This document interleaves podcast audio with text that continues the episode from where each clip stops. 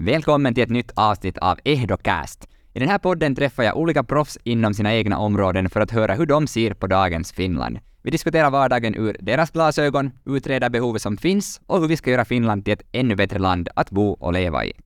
Mitt namn är Frans Villanen och jag ställer upp i riksdagsvalet i Vasa valkrets för SFP.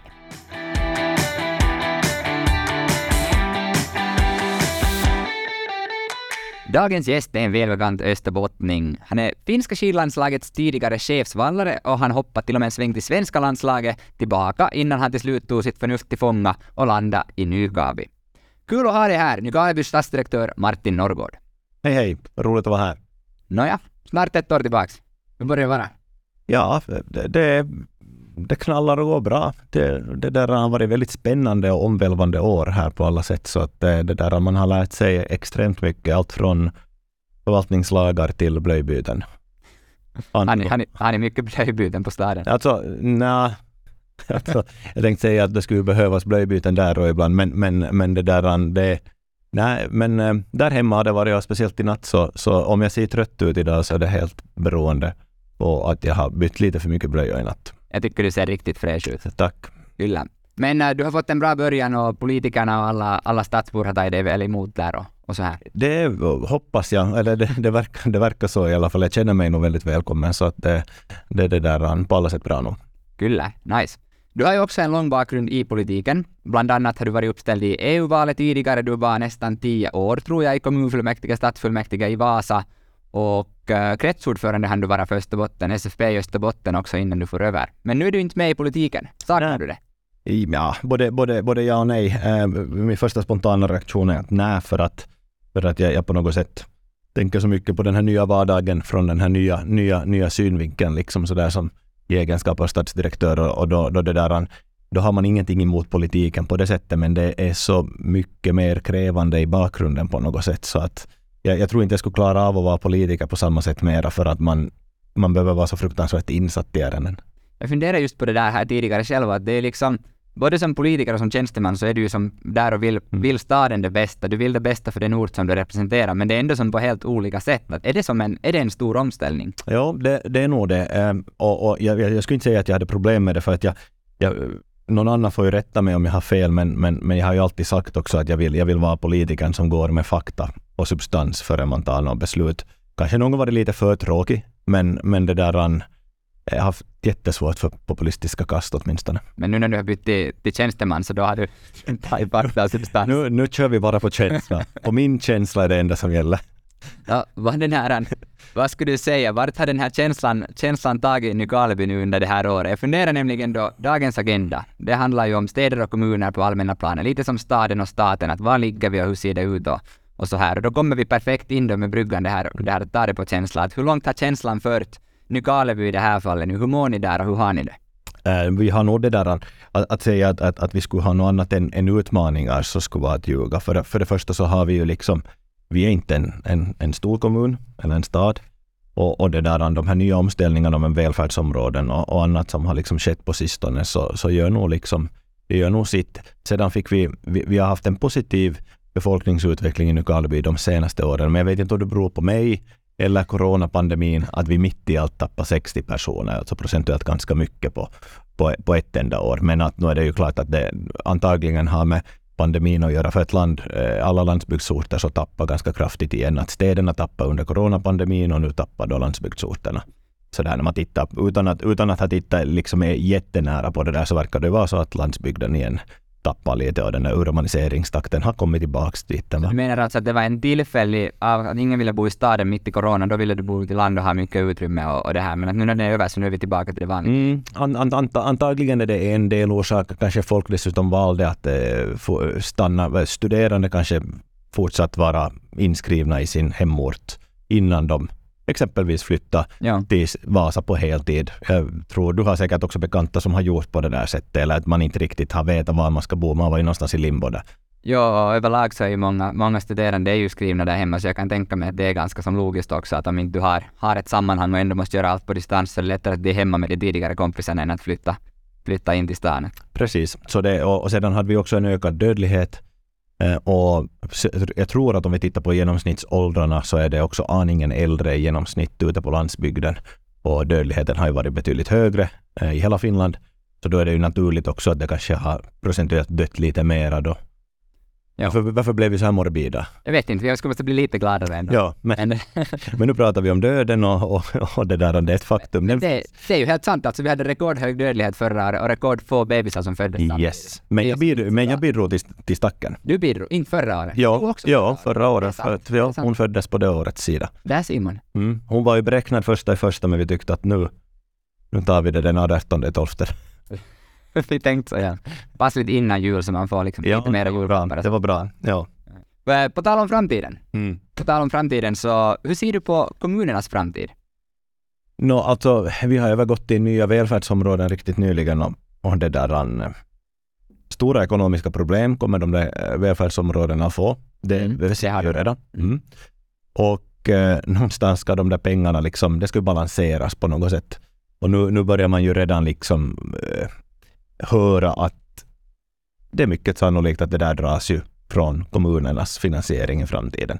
Så vi har liksom, nu har vi två sådana mastodont institutioner inne i vår inrikesförvaltning, eller hur man ska kalla det. Vi har liksom kommuner och välfärdsområden som båda liksom tampas med, med ganska dålig ekonomi. Och vi, vi måste komma ihåg att den här coronaåren har ju gått bra för, för, för den kommunala sektorn inte nu bara he, helt och hållet, men delvis, eller stor bidragande orsak var ju de här coronastöden och liksom den här att man, man har liksom pushat pusha offentliga sektorn lite.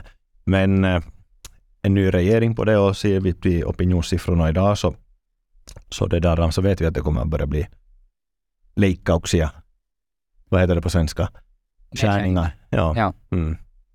Nej, nu är det så. Det är ganska det är ganska, vad ska vi säga, allvarligt för den, för den kommunala sektorn, just hur framtiden kommer att se ut. Att välfärdsvalet var för ett år sedan, de har börjat nu i januari. Jag tror det är minus 20 miljoner som det står siffran på Österbottens budget där nu, hur den, hur den kommer landa. Det är bara vårt välfärdsområde. Mm. Däremot Nyland, sen är det västra Nyland, har nästan 100 miljoner tror jag, mm. Mm. som de ska som täcka upp. Det är inte det är lätt. Nej, det, det är verkligen inte lätt. Och sedan, sedan det där, jag inte vet, jag, jag kom av mig, jag, jag, skulle, jag hade någon bra poäng där, men den, det ja. finns inte. Inte det någonting. Man kan fortsätta ja. Ja. Jag har många bra poänger. Bra. Jo, jo, jo, det är bara poänger hela den här podden. Det finns ja. inte något annat än poänger. Nej, men det som den ju betyder i all korthet, välfärdsområde, det, det betyder ju att uh, vården och räddningsväsendet, det är inte mera kommunerna, utan det är ju nu för tiden då på välfärdsområdet helt enkelt. Mm. Och de har inte beskattningsrätt, utan de har bara pengarna som kommer från staten. Och det ska de hålla sig med. Mm. Samtidigt för kommunens del så betyder det ju att till exempel bildningen, skolan, är ju bland det viktigaste som finns kvar. I alla fall om man frågar mig. Man kan ju mm. fråga någon annan som säger något annat då, men mm. det får stå för dem. Uh, och förebyggande arbete, det är ju också kvar hos kommunerna. Men då är det liksom lite sådär att uh, hur mycket ska man satsa, på vilket sätt ska det ske? Och också genom finansieringen för välfärdsområden, som inte kanske riktigt direkt nu är exakt det här vi pratar med förebyggande, men ändå, så är finansieringsmodellen också sån att den inte sporrar välfärdsområden till förebyggande tjänster i form av vård i liksom ordentlig tid och att få liksom det här, utan tvärtom får du pengar enligt hur många mm. som är sjuka. Och det här har kommit mycket kritik över att den här modellen inte helt enkelt funkar, den här finansieringsmodellen. Så det är ju någonting som man skulle behöva se över. Men hur tror du att om det skulle komma beskattningsrätt till välfärdsområdena, skulle det påverka kommunala beskattningen på något vis, eller kan de existera parallellt?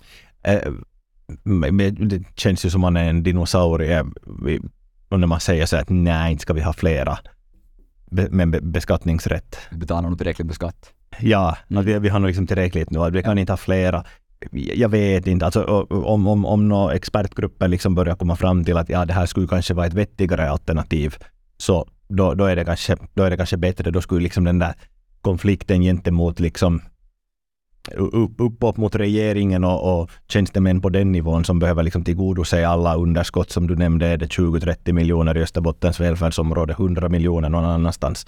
Och det där är ju sånt som det, det, det, i slutändan så tror jag att det betyder att staten måste ändå punga ut de där pengarna. Men mm. om du blir mera självständig och du får ta upp skatt, då kan det hända att, nu vet du oftast hur du uh, själv använde dina pengar när du fick en 20-lappa av pappa eller mamma alltid direkt in på kustannustehokkaita indexrahastoja och så låter man dem vila där i 50 år. Exakt. Och det, Från 13-åring. Det, det där har vi alla gjort. Men sen finns det den där andra gruppen, det finns ju tre stycken, och det finns ja. den andra gruppen som inser att det finns bara 20 euro. Och så köper de karki för 20 euro. Och, och, och så finns det den tredje gruppen som tror att de har mer än 20 euro. Men när de kommer till kassan så inser de att de har inte råd med allt. Nåja, du nämnde tidigare lite om förebyggande åtgärder och det är ju sånt som lämnar kvar i kommunen ganska långt också. Vi har, vad heter det, vi har ett problem med ungdomar som inte rör på sig tillräckligt. Eller finländare överlag. Vi ska inte dra nu ungdomarna bara in, utan finländare överlag. Vi rör på oss för lite. Vi sitter för mycket hemma vid datorn, vi äter våra chips och kikar på Netflix och vi är för lite ute och gör jotton. Mm. Och det skulle vi måste få då mera åtgärder som drar ut människorna bort från Netflix-soffan och ut helt enkelt. Mm. I Vasa har vi nu senaste året fått ett, äh, ett utegym och en skatepark bland annat som vi har byggt här. Och det har byggts tillsammans med statliga pengar. Vi har fått finansiering från staten för att kunna bygga det här. Och då funkar ju staten som en möjliggörare. Och det är ju skitbra. Mm. Det betyder att vi skulle inte annars kanske ha råd att göra allt det, men i och med att vi får lite hjälp så då kan vi göra de här åtgärderna. Vi skulle behöva mera av det. Mm. Hur jobbar ni med vad heter det, förebyggande i Nykarleby? På, vilken, på vilket sätt ligger Vi är en typisk stad som inte har resurserna att jobba så som Vasa. Vi, vi, vi har inte de där samma musklerna att söka okay. de här projektpengarna.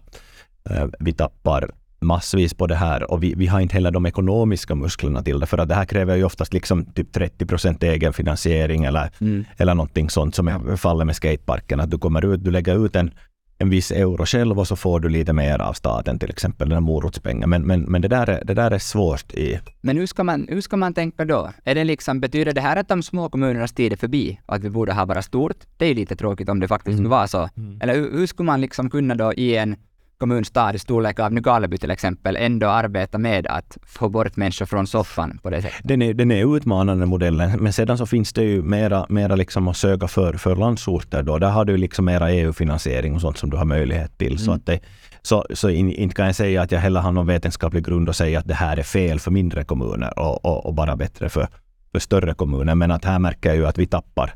Vi, vi tappar definitivt gentemot större kommuner på den här punkten. Ja. Det här var förebyggande satsningar, mindre satsningar. Mm. Men om vi pratar satsningar överlag, vad har ni på gång? Vad håller ni på med i Nykarleby?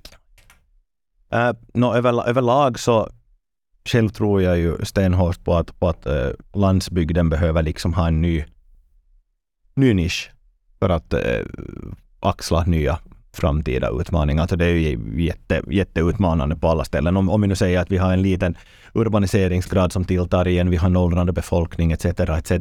Vi har mi mycket mindre årskullar så vi behöver ju definitivt se till att vi får liksom någon inflyttning eller någonting sånt.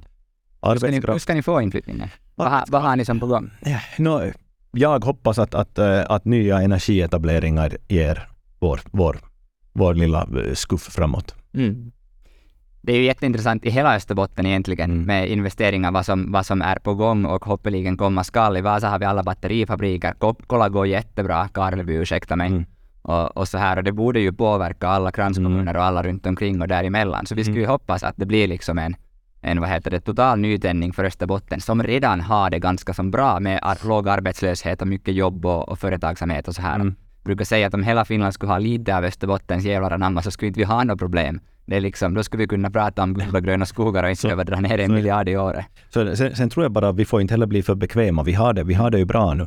Och, och nu finns det ju alltid ett visst liksom stagneringsrisk. Man vet ju med, med större bolag också att när det går, när det går som bäst så, så tycker du att nu, nu, nu går det så bra så vi ska inte ändra på vårt koncept eller något. Nu säger jag inte det för att vi är ju nog framkant i Österbotten vad gäller energifrågor och sånt men, men, men jag, är, jag är ändå lite, med lite oro ser jag på att, att, att liksom den här debatten Eh, till exempel nu då att, att, att vi ska inte producera mer energi än vad vi verkligen har behov av. Det finns mm. väldigt mycket sådana röster för det.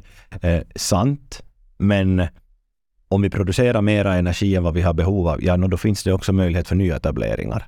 Och det är ju det vi behöver för att få arbetskraft. Att inte får vi ju arbetskraft utomlands ifrån om inte vi har någonting att erbjuda. Vi behöver ju ha den där arbetsplatsen för det första. Jag tror inte det räcker med befintliga skolor och, och, och, hem, vårdhem och, och, mm. och sånt det känns som att, det känns som att energibranschen är lite i ett halvt brytningsskede har varit en stund nu och det blir intressant att se vart det går. Att jag kan kallt erkänna att jag är själv ingen energiexpert, absolut inte. Jag är mera på den nivån att jag kan ha åsikter som jag har hört någon annan som vet säga och då litar jag på den. Men att jag kan ju inte gå ut och säga att jag är expert för det är jag inte. Ja, du, har, du har lite låg energi.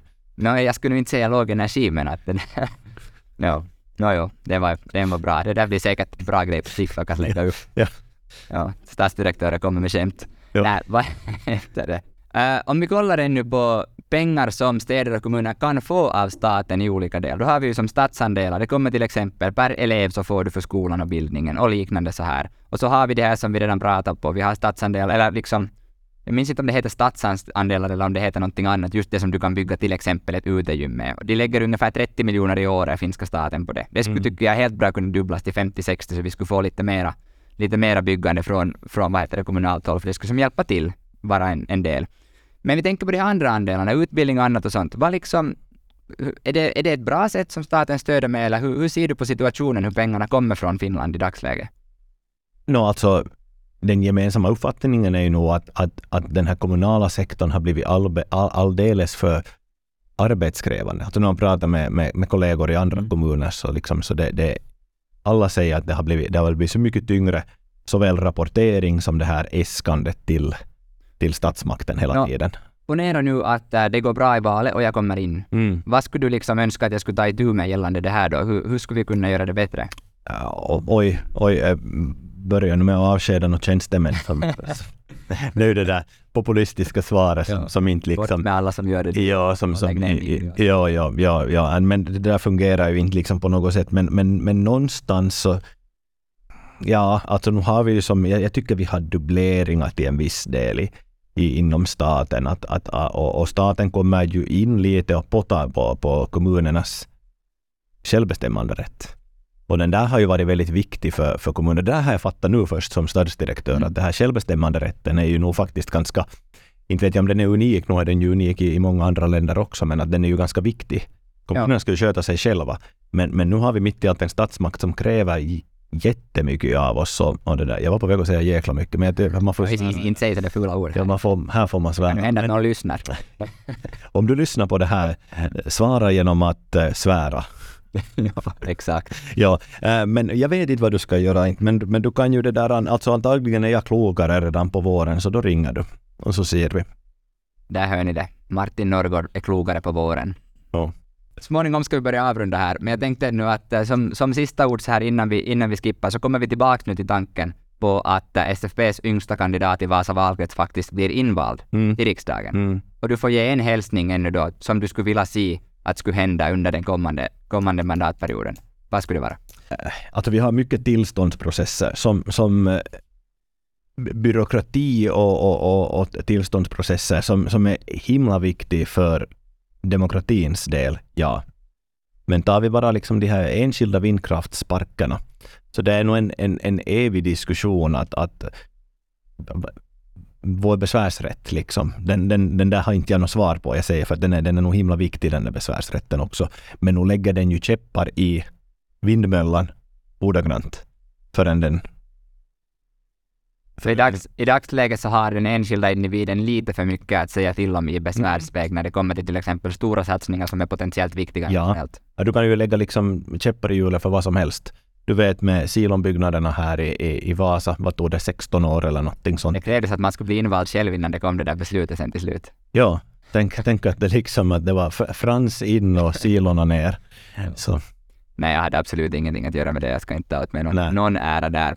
Okej, men i alla fall, så det är nu en ungefärlig hälsning Mm. som jag ska ta med mig till Arkadiabacken ifall det blir Mm. aktuellt. mm, tänk, tänk på de sakerna och, och se till att, att, att de här be, beslutsgången går lite snabbare. Vi tappar investering, eh, potentiella utländska investerare i, eftersom vi är så långsamma i vår byråkrati. Och det då säger att vi behöver allt som vi kan få. Så är det. Så är det. Härligt! Ni har lyssnat på Ehdocast, en podd av riksdagsvalskandidat Frans Villanen. Dagens gäst, det var Martin Norrgård. Tusen tack för att du medverkade Martin. Tack Frans.